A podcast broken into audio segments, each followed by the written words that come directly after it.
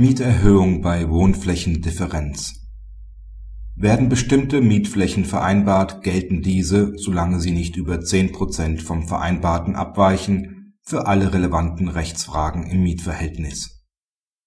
Im neuen BGH-Fall vereinbaren die Parteien im Mietvertrag eine Wohnfläche von gut 55 Quadratmetern. Tatsächlich beträgt die Fläche aber nur wenig mehr als 51 Quadratmeter Später stützt der Vermieter ein Mieterhöhungsverlangen auf die größere Fläche. Diesem beugt sich der Mieter nicht, so dass der Vermieter auf Zustimmung klagt. Der BGH entscheidet, dass der Mieter sich an der vereinbarten Fläche festhalten lassen muss, solange diese die tatsächliche Fläche nicht um 10 Prozent überschreitet.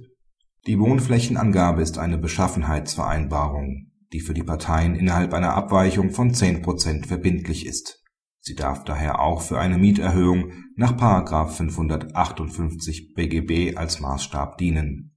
Denn solange die Toleranzgrenze nicht überschritten wird, muss auch der Mieter sich an der Vereinbarung festhalten lassen.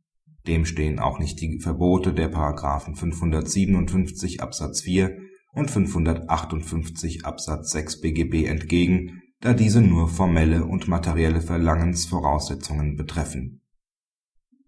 Praxishinweis die Entscheidung dient der Vereinheitlichung der Rechtsprechung.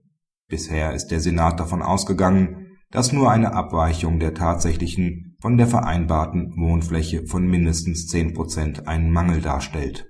Auch geringfügige Überschreitungen sind dann schädlich.